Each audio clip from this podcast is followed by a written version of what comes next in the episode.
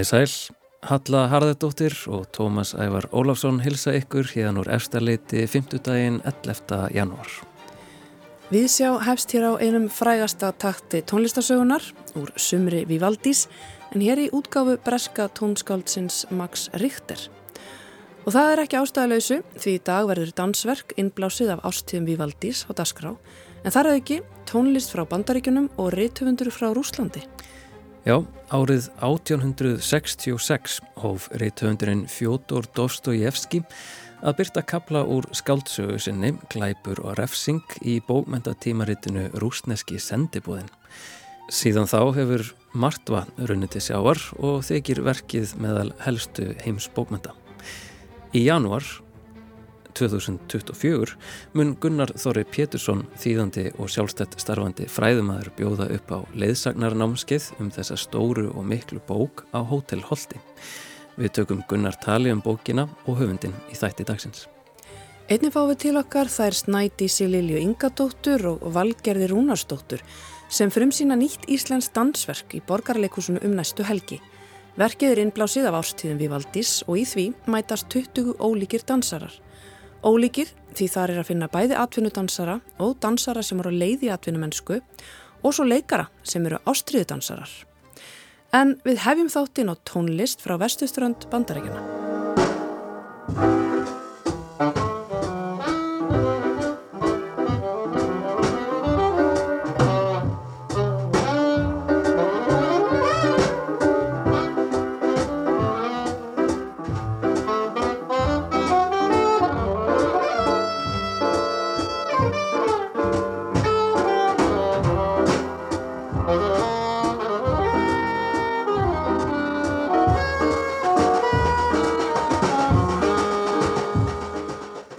Hér heyrum við byrjunina á algjöri jazz epic, verkið nefnist Golden Pearl og er tilengað Pearlín Fisher eða Ömmu Pearl eins og hún var gölluð af meðlumum hljómsveitarinnar sem hér leikur og nefnist Pan-African People's Orchestra og hefur verið eina af burðarbyttum jazz tónlistar á vestuströnd bandaríkjana í meira en hálfa öld.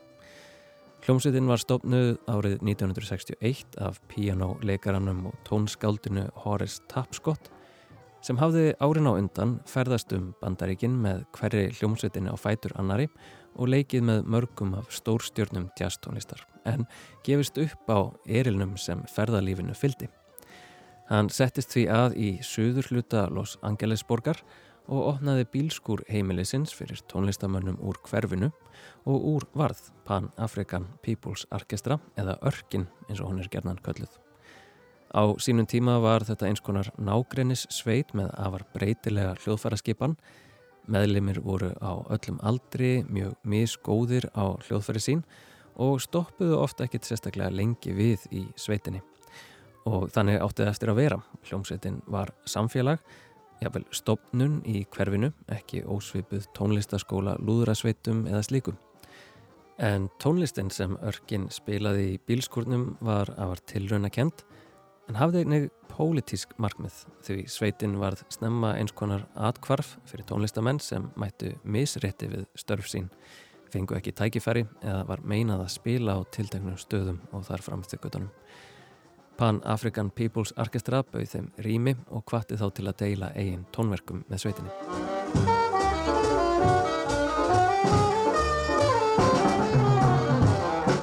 Pearline Fisher sem þetta lag er óður til var hávaksinn og mjóslegin kona sem bjó í þessu fræga húsi Horace Tapscott og hjælt aðalega til á veröndinni þar sem hún hafði útsinni yfir gardin, bílastæðið og meðfram götunni og þaðan vakti hún yfir hljómsveita meðlimum arkarinnar fram eftir öldinni og fyldist þannig hugsanlega með allri jazzflóru Los Angeles borgar ganga gegnum gardin og inn í bílskúrin til að spila með örkinni.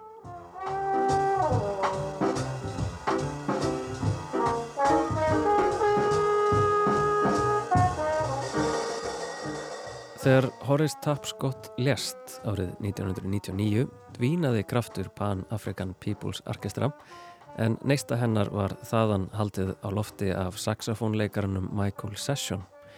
Sveitin hittist áfram í bílskurnum og leik á litlum tónleikum fram til ársins 2018 þegar sonur Michael Sessions, Mekala Session, tók við hljómsveitinni.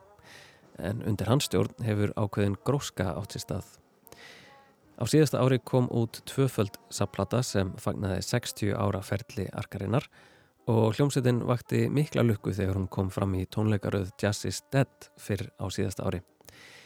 Og ekki nómið það þá fór heimildamyndin Keeping Time einnig að skjóta upp kollinum á hinum og þessum kvikmyndaháttíðum bandaríkjana á síðasta ári en hún er úr smiðju Darul Olu Kai og fjallar um nýja hljómsveitarstjóra arkarinnar Mikala Session og harkið sem hann leggur á sig til að halda hljómsveitinni gangandi. I don't know what you're talking about. I'm always saying, oh, what do you do? What do you do? You know, I'm always asking for this this answer. What do you do? And he said, just keep doing what you're doing because it comes from up here. touched by God to play. Let it flow. So like, huh?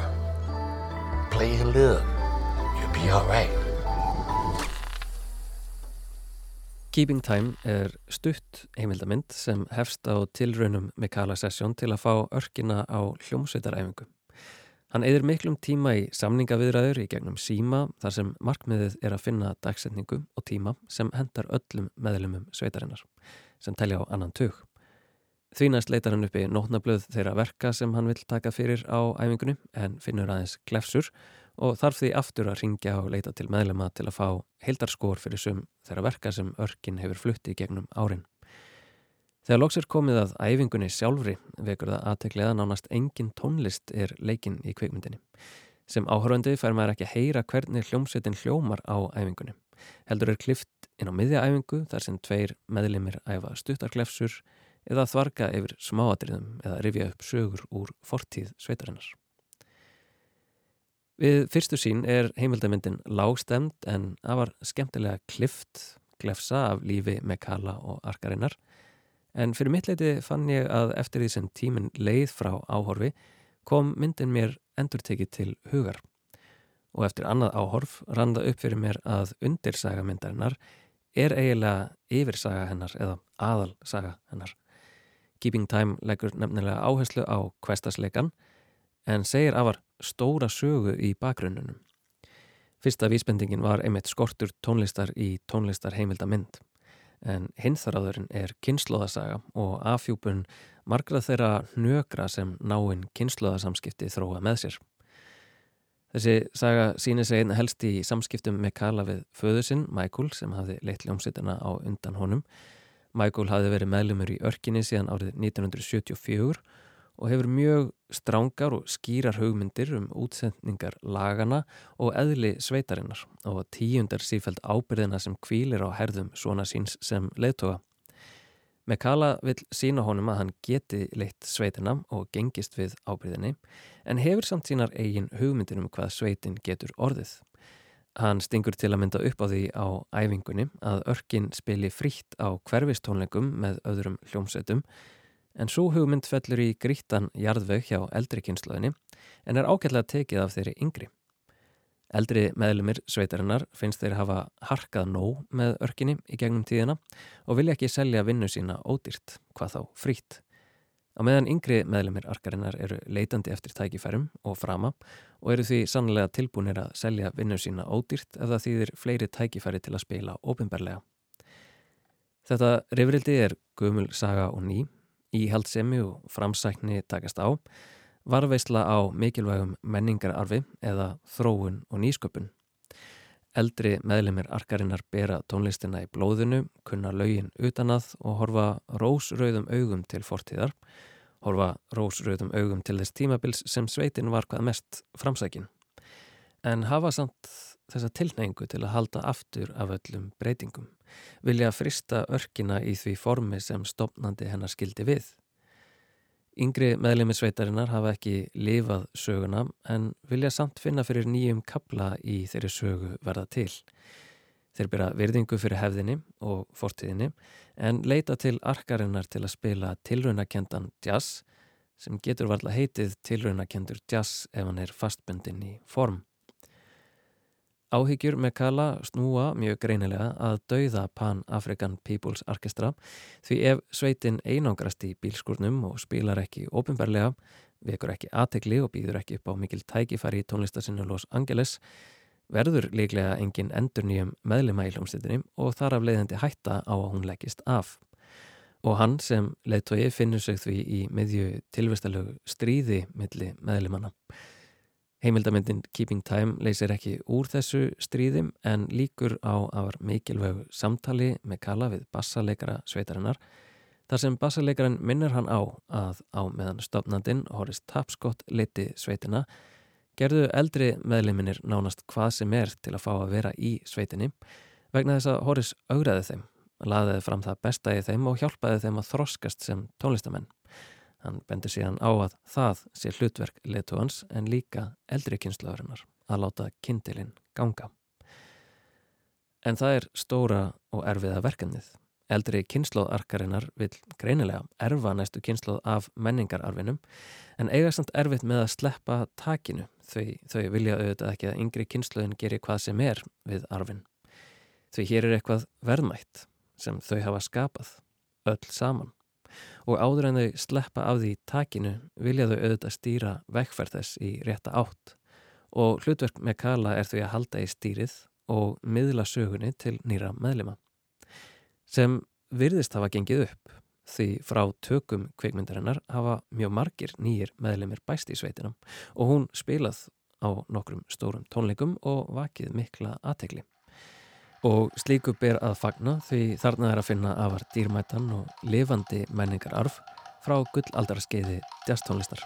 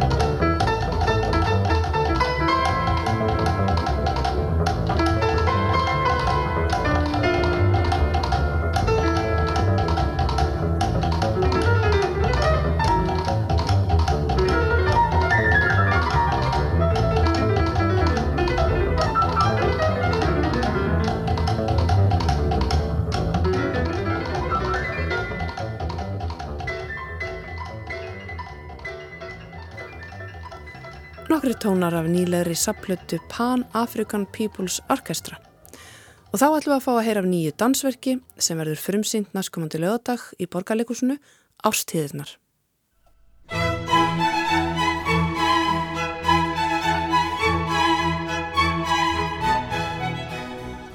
Ég heiti Valgerður Rúnastóttir og er dansari og danshundur og er búin að vera að starfa við það í ansimörg ár núna og já. Ég heiti Snædís Lilja Ingadóttir og ég er líka dansari og dansöfundur. Ég hef kannski aðalega verið að vinna sem dansari og svona núna í setni tíði aðeins byrja að vera dansöfundur og þetta er held ég svona fyrsta svona stóra verkefni mitt. Vala hefur nú gert oft verk á stóra sviðinu í Borgó en ekki ég. Þannig að ég er bara mjög spenn. Þetta er svona fyrsta mitt að leiða verkefni mm -hmm. á svona stóru, stórum skala. Og við erum ekkert heldur að gera neitt lítið, við erum alveg með 22 dansara á aldrinum 9 til 72. Það er alveg svona umfómsmikið.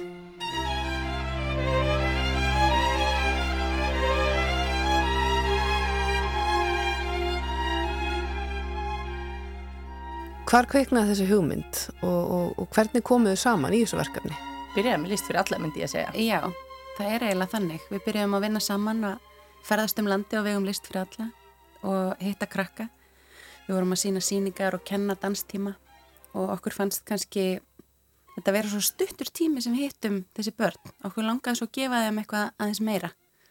Þannig að við fórum að staði þú veist hugmyndir og eitthvað og hérna fengum styrki fyrir verkefni sem að hétt derringur og þar vorum við líka að vinna með árstíðinar og við fórum sem sagt á mismunandi staði um landið og gerðum árstíðir með börnum og unnum með þeim þú veist í vinnustofum í viku og gerðum svo síningu í lokdags og þá var hérna Hermigervill Sveinbjörn með okkur. Og þá vorum við líka hérna að vinna með Vivaldi og svona örglaðins í honum. Já. og þar var náttúrulega gert á annan hátt með hérna Sveinbjörni sem að gerum við þetta alltaf þessi tónlistheldun Áskell Harðarsson sem við erum að vinna með í dag. En í báðum tilfellum þá var það svona grunnurinn Ástýr Vivaldi Já. Og Íslensk veðráta Einmitt. og þar var líka, þú veist, þá tóku við þegar við fórum austur, þá vorum við bara að vinna með haustið eða vorið, Já, man ekki hvað við tókum svona eina Hver landsluti átti svona sína árstíð. Út frá því langa okkur bara, það var ótrúlega spennandi og skemmtilegt. Okkur langaði bara að vinna lengra með ástíðnar og þannig kemur þess þetta verk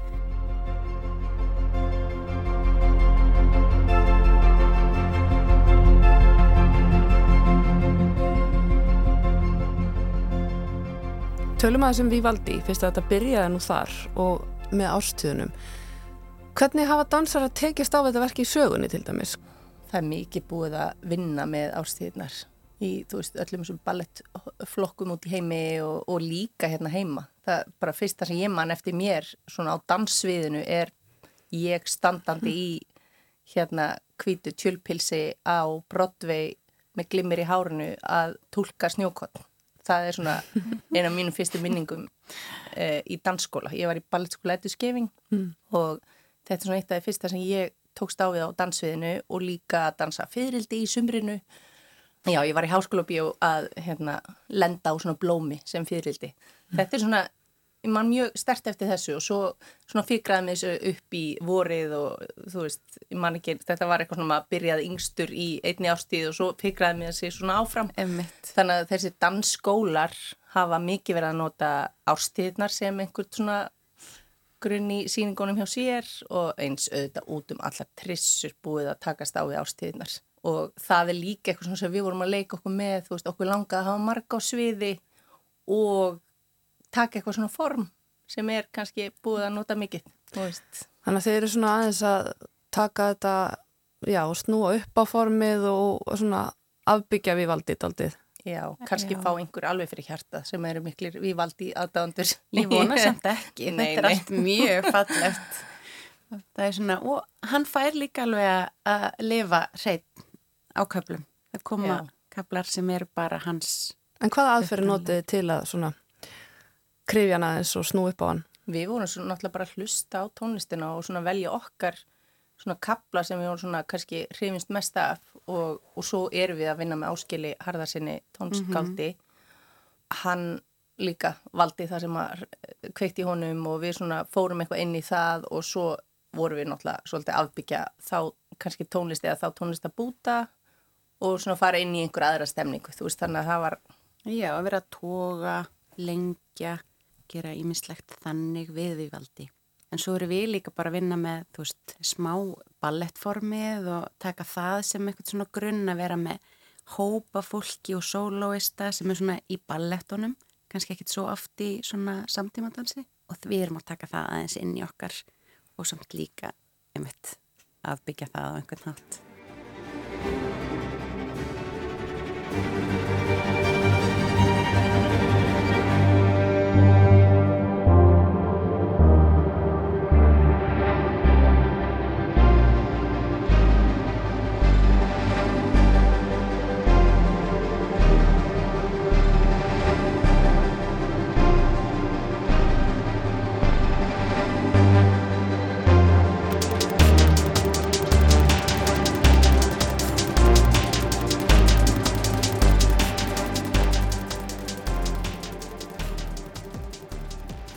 Ótrúlega fjölbreyttur hópur dansara. Segið með hans frá því hvernig hópurum var valinn og af hverju hann er svona fjölbreyttur? Við byrjuðum á, þú veist, þegar við vorum að skrifa þessa umsókn sem maður er alltaf að skrifa fyrir, fyrir þessi verkefni þá höfðum við samband við dansflokkin hvort að þau væri til í að vera í samstarfi við okkur og það var svona fyrsta og svo höfðum við samband við hennan Forward Youth Company sem er svona áhuga danshópur, yngri dansara sem eru kannski að koma úr svona grunnnámi og langar að halda áfram og dansa og var stopnaður fyrir nokkrum árum, ég veit ekki alveg hvað maður langt síðan. Já, búin að starfræktur alveg í nokkur ár sko. Já. Var held ég listhópur Reykjavík borgar Já. í fyrra eða hitt fyrra eða... Emitt. Og við fórum í samstarfi þau líka og vissum þá ekkert í raun og veru hvaða dansarar það eruðu og, og hvað mörg þau eruðu, það er svolítið miseft eftir árum en svo var þetta bara ótrúlega fjölmænt ár hjá þeim þannig að við mm. bara stykkum á það, þau eru 11 með okkur og dansflokkurinn.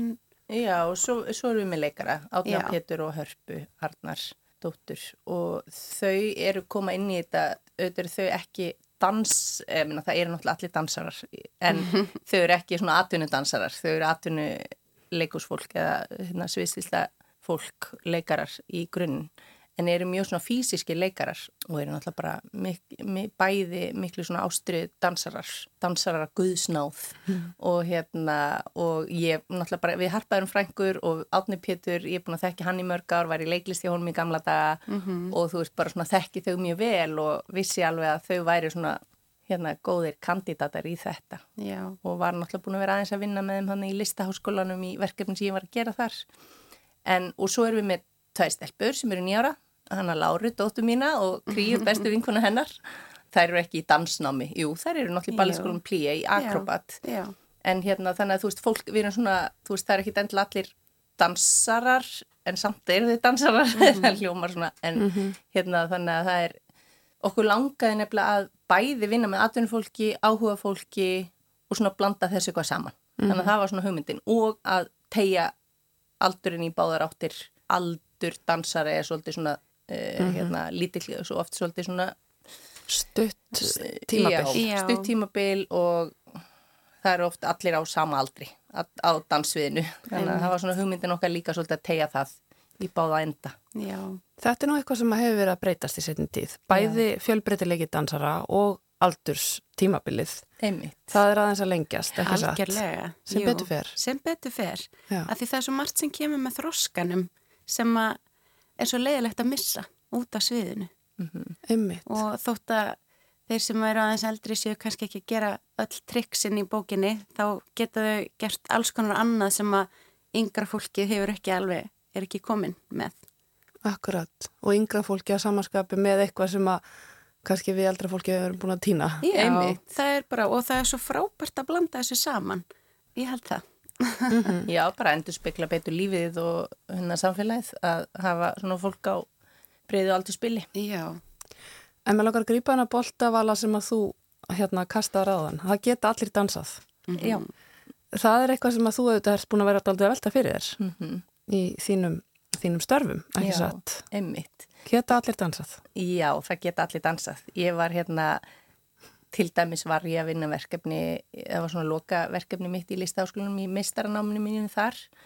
Þá, þá hérna fekk ég til liðsum í hóp uh, eldriborgara uh, frá Þorrasili sem er á Vestugutinu, svona félagsmiðstu fyrir aldraða og þau voru að dansa í verkefninu mínu og við vorum bara að gera svona stóladans. Veist, við sátum á stólum og vorum að reyfa okkur og dansa og dansa við svanavatnið og reysum nú aðeins úr sætum mm -hmm. en þú veist þannig að Og það er dásamlegt. en það var svona, svolítið, svona mitt innlegg í þessa umræðu að mm -hmm. það geta allir dansað og svo við, við auðvitað búin að vera að vinna með ungu kynnslóðinni gegnum okkar starf, gegnum listur alla og auðvitað verkefni Deringur sem var svona að fara með dansin víðar og hérna kynna þess vegna vildu við svona fara út á landsbyðina líka að því að það er ekki dansskólar út um allar trissur, það er náttúrulega kannski helst hérna í höfuborginu og svona nokkrum stöðum í viðbót það geta auðvitað allir dansa. Þetta er eitt af því fyrsta sem við gerum eftir að við fæðumst og byrjum að reyja okkur að dilla okkur við tónlist. Já, ég og einn lítinn strák sem er eins og hálsás og hann er bara, hann vaknar á mótnan og byrjar að dansa. Já. það er svo sætt. En akkur að hættu við að dansa? Einmitt. Það er einmitt, góð spurning. Kanski einhverju svona meðvitund eða, þú veist, þetta er náttúrulega þú ert mjög berskjaldadur að reyfa þig, þetta er einhvern veginn, ég veit það ekki Nei, samt er þetta bara í náttúrunu okkar og bara svona einhver, einn af svona frum kröftunum. kröftunum, Já, Einmitt. En hann er kannski ekki vola sínilegur svona dansin í okkar menningu. Nei, Alls einmitt. ekki. Það er, við erum eitthvað, við förum bara upp í hausin á okkur og, og aftengjum slíkamann kannski á Einmitt. einhvern hátt. En svo eru samfélug manna sem að eru bara, þú veist, þetta er bara mjög stór partur af þeirra daglega rytma að bara reyfa sig og dansa og Einmitt. hittast og dansa og einhvern veginn. Við erum kannski meira bara í sagnahefðinni. Einmitt. Fólk sem að verið að vera meira, í svona meira sambandi við líkama sinn heldur en við. Já, ekki einmitt. þið, heldur en ég allavega. Já, en svo er einmitt.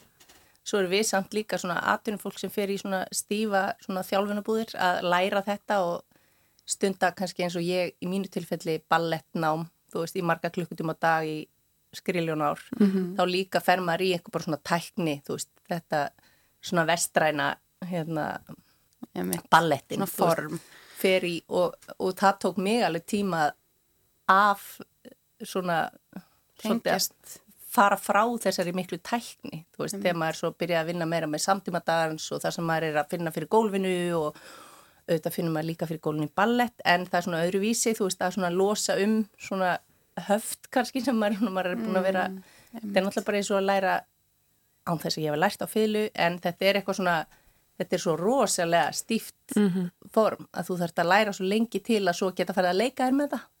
Eins og ballettin, ballettin er geggjaður sko, þetta er æðislegt æðislega tækni að hafa en þetta er rosalega mikil vinna að verða góður í því. Það bara krefst alveg þvílíkt margra ára vinnu að komast ángað og einhvern veginn þegar maður læri svona mikla tækni þá er einmitt svo, svo þarf maður að læra einhvern veginn að nýta hana á einhvern veginn svona afslappaðan hátt eða einhvern veginn að læra úff, svo að sleppa því og einhvern veginn að hún njóti sín bara innan þess Einmitt. já, finna fyrir þessu náttúrulega Já, Einmitt. og geta verið afslappaður og Sko, einmitt. Þeir eru hérna að tala um sko, samband okkar eða dansarans við líkamann og flæðið og tæknina.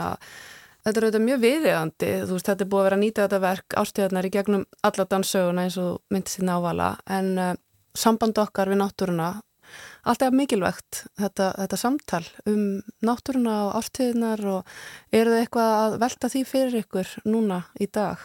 Já, alveg.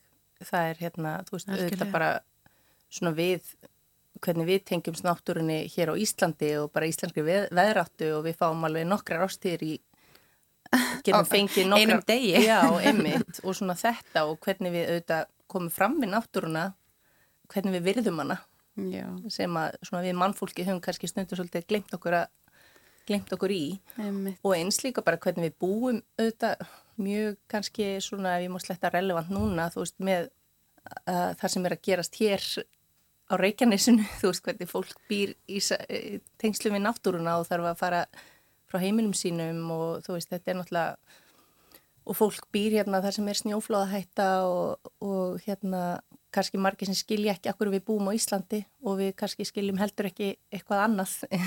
Einmitt, en- því náttúrun og veðráttan og allt þetta, þetta er alveg frá því að vera bara opbúslega fallegt og ljúft og indislegt yfir að bara vera hættulegt og hún er svo sterk já, þannig að við erum líka að leika með það auðvitað í verkinu, þú veist, frá því að vera bara eitthvað lítið fræ sem er að vaksa yfir í bara eitthvað risa jökul sem að er hættulegur.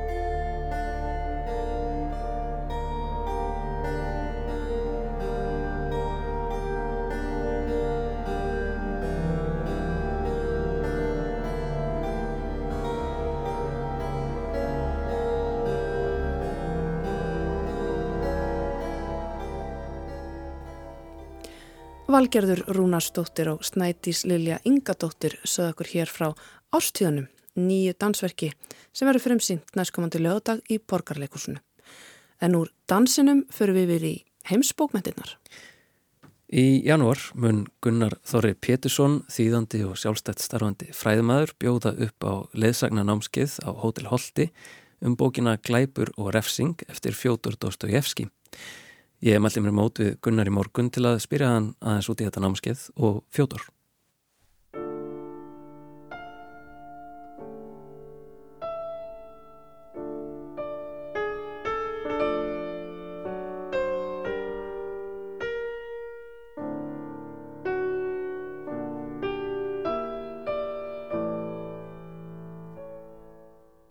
Gunnar Þorri Pétursson, velkomin í Viðsjá.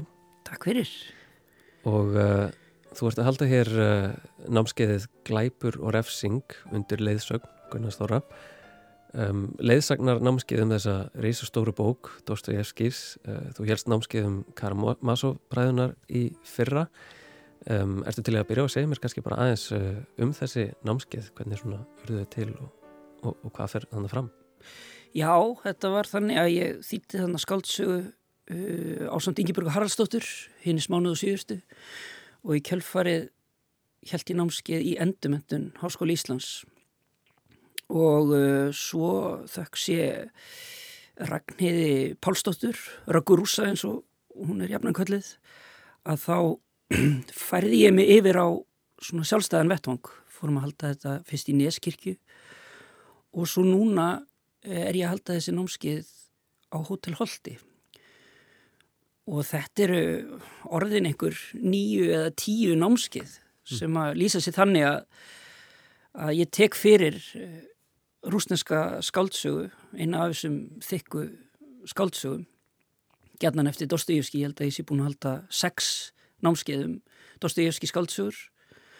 Og, og við lesum okkur í gegnum skáldsögunar og þetta er svo sett fjóra vikna námskeið og, og svo er svona hálfleikur eftir tvö skipti að þá, þá kemur ein vika í frí sem er svona lestrar frí mm. það sem að fólk getur hérna lesið og, og enn meira og já, þetta verður eiginlega skapast bara svona indislegt samfélag í kringum þetta að þú kemur og þú getur fengið þér drikk í hlénu og, og þetta er svona mjög rúsnesk stemning hérna á hótelholti það eru svona þykk teppi og panell og glæsileg málverk í ymsum stílum á, á vegnum og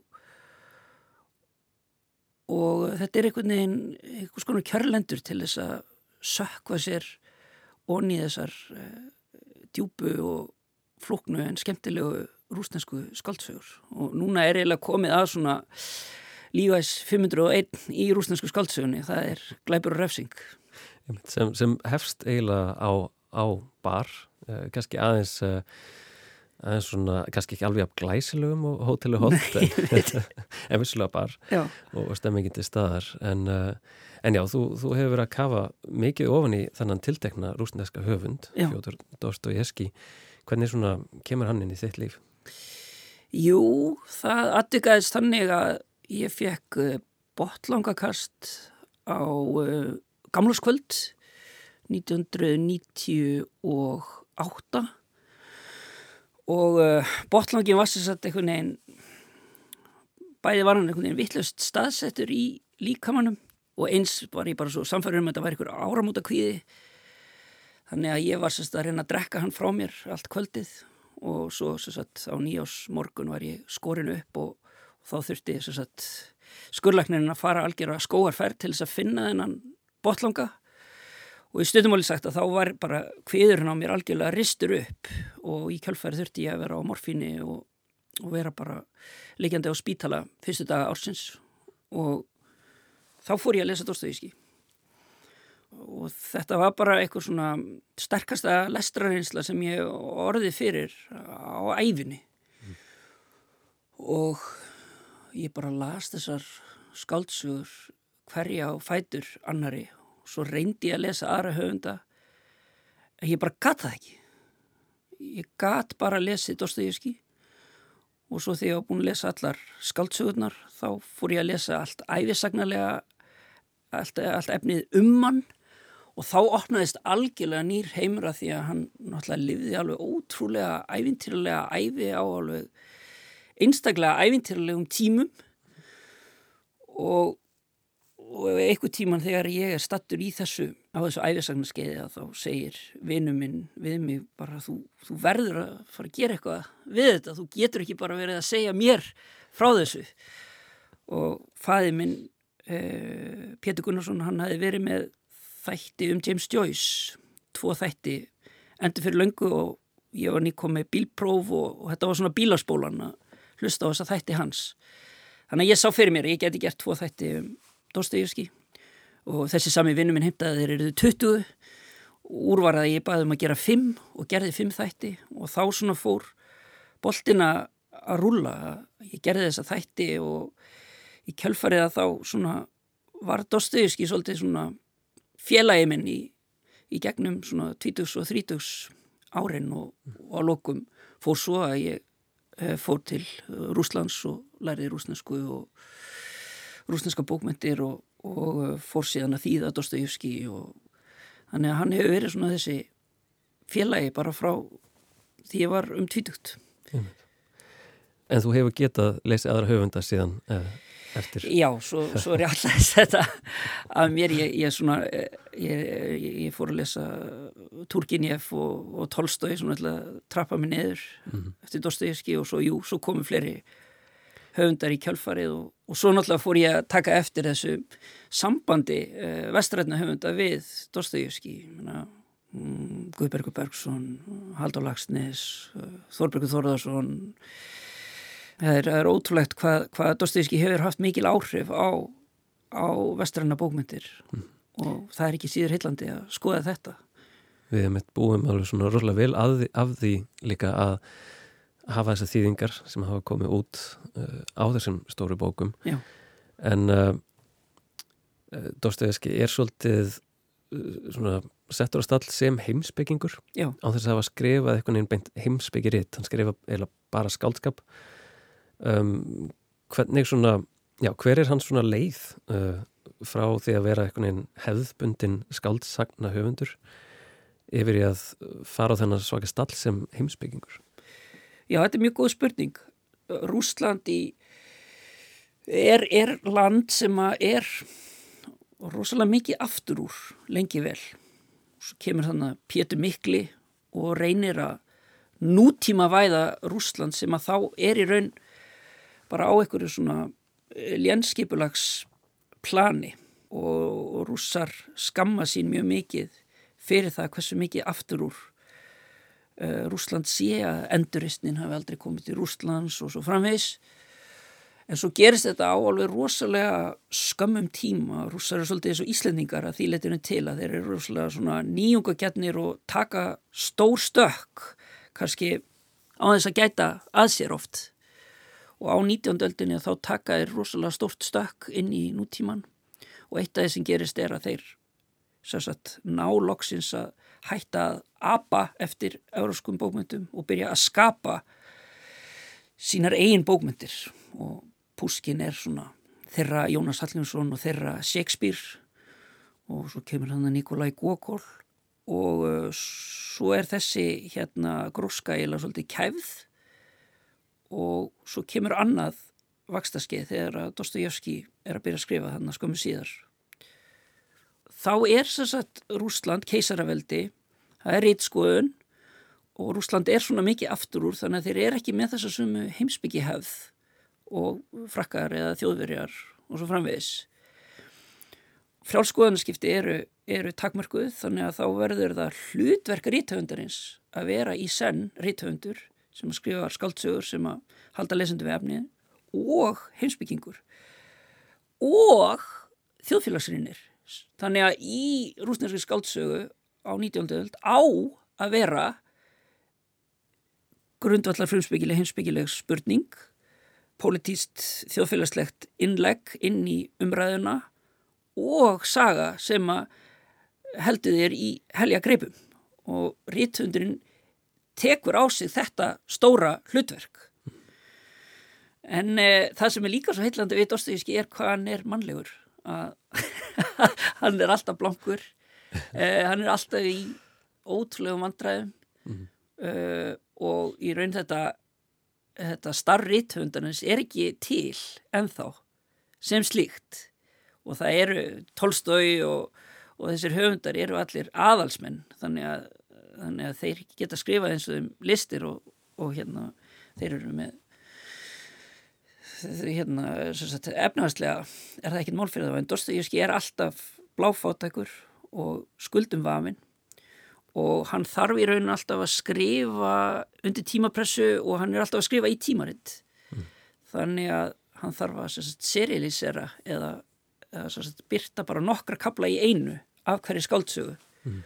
Þannig eins og með glæpa rössingu að þá, þá byrjar hann og hann er með ákveðna hugmynd en svo er hann að skrifa söguna jafn óðum.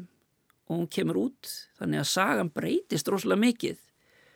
Bara eftir viðtökum og eftir því sem er að gerast í hans lífi og, í raun finnur hann upp ákveðna svona fagufræði til þess að láta allt þetta sem að gæti í raun gert skáldsuguna verri tímapressan og svo framvegs að reyna að innlima það bara inn í skrifin sjálf og þetta veldur þessari einstöku tilfinningu sem að lesendu Dostoyevskis kannar svo vel við að þeim líður eins og þeir sé að lenda í skáldsögunni um leið og sagt, þeir eru að lesa hana og eins og þeir, mm -hmm. það, þeir geti í raun haft áhrif á það hvað gerist í sögunni að því að einhvern veginn er val personun og vandin sem að þeir standa personuna standa fyrir svo ótrúlega áþrifanlegur fyrir lesandanum og þetta stafar ekki síst af þessu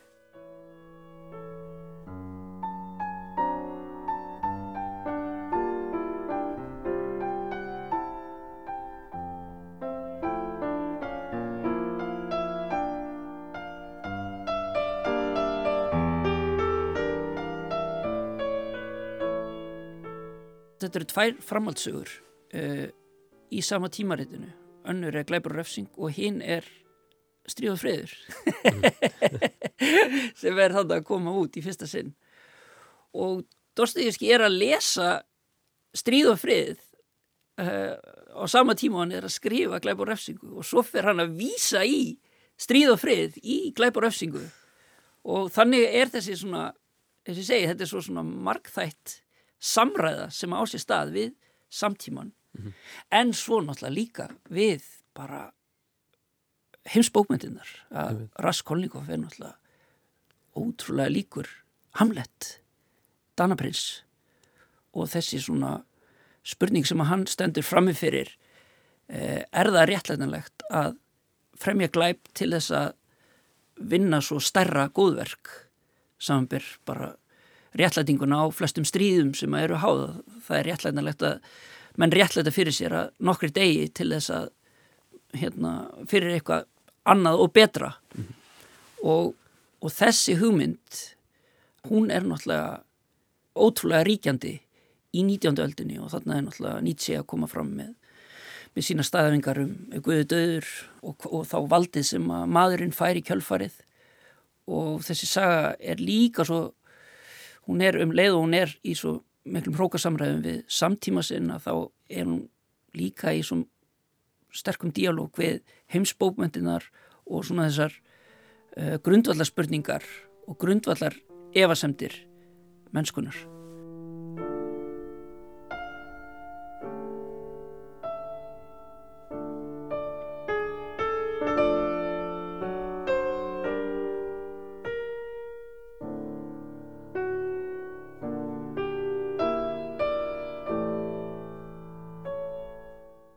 En það að skrifa síðan um, einmitt skáldsögu sem er samfélagsrýni og, og heimsbyggi einhvern veginn á sama tíma og, og taka þetta svona stóra hlutverk í réttuðandurins uh, það helst síðan kannski svolítið í rúsnesku samfélagi fram eftir 20. öld því að Sovjetríkin koma þannig og, og halda áfram í rauninni þessi, þessari réttskoðun og höfundar 20. aldana eru svona kannski þekktu fyrir að lauma einmitt slíku inn í skáldsögu sínar. Um, og, uh, og ég veldi fyrir mér hvernig svona staðan séu orðin í dag og, og, og hvort uh, bækur eins og refsing séu ennþá lesnar mikið í dag í Rúslandi Sko á meðan að ég var í námi þá voru þessir höfundar eins og Dostoyevski alveg ótrúlega lifandi. Og svona bók eins og glæpur og refsing er bók sem að flestallir rússar hafa lesið og, og þetta var alltaf ingöngum með inn í einhverjar miklar og djúpar samræður að segja að maður hefði þennan áhuga á Dostoyevski og setna allumis hef ég þýtti þessa bókinni smánuðu svífurtu og svo setna þýtti ég bók sem heitir Tjernobilbænin eftir Svetlunu Aleksijevits og, og þegar maður lesi svo þá bóku þá sér maður hvað Dostoyevski hefur mikil áhrif að því að Svetlan Aleksijevits er, er í raun að nota sömu aðferð hún er að skrifa þessa margrata heimilda skáldsögu það sem að um, þú hefur allar þessar ólíku rattir sem eru að lýsa uh, Tjernobyl-slísinu en þú hefur aldrei einhvern höfund sem að segir þetta er það sem að gerðist mm. heldur er þetta svona eins konar mósækmynd sem að smá saman púslast saman fyrir þér. Og það er eins með uh, Dostoyevski að, að það eru þessar ótrúlega löngu og miklu samræður og skortur á lýsingum að því að Dostoyevski hefur svo mikinn áhuga á þessu og Baktín orðaði þetta á þann hátt að sannleikurinn er eitthvað sem að tilir er engum einum heldur verður hann til í samræði þeirra sem að leita sannleikans og spyrja spurninga í einlægni. Hann verður til, sannleikurinn verður til eitthvað staðar þarna á milli, hann er hérna eitthvað staðar á, á milli okkar. Og skáldsagan er kannski besta formið til þess að ná utanum þetta. Þetta er besti skókassin til þess að geima þessa tegund af hugsun og til þess að, til þess að glíma við hana og í þessum skáldsögum, í þessum gullaldabókmyndum rúsneskum og glæpur refsing er eins og ég segi bara einn helsta perlan. Að þetta er eitthvað besti vettfangur til þess að glíma við þessar stóru spurningar. Ég hef líkt þessu stundum við kristall að, að þetta er eitthvað harnað efni sem að hefur staðist tímans tönn en að samanskapið þegar þú horfir, horfir á sjálfnaði í kristallnum að þá sérðu marga tómasa og þú, og þú sérði á ólíkan hátt og, og byrtan sem að kemur á kristallin að hún endur var bara ótal litum. Og síkildu skaldskapur er þannig að mínu viti og þessuna eigum við ekki að slöfónum heldur eigum við þvert á móti að rína í hann.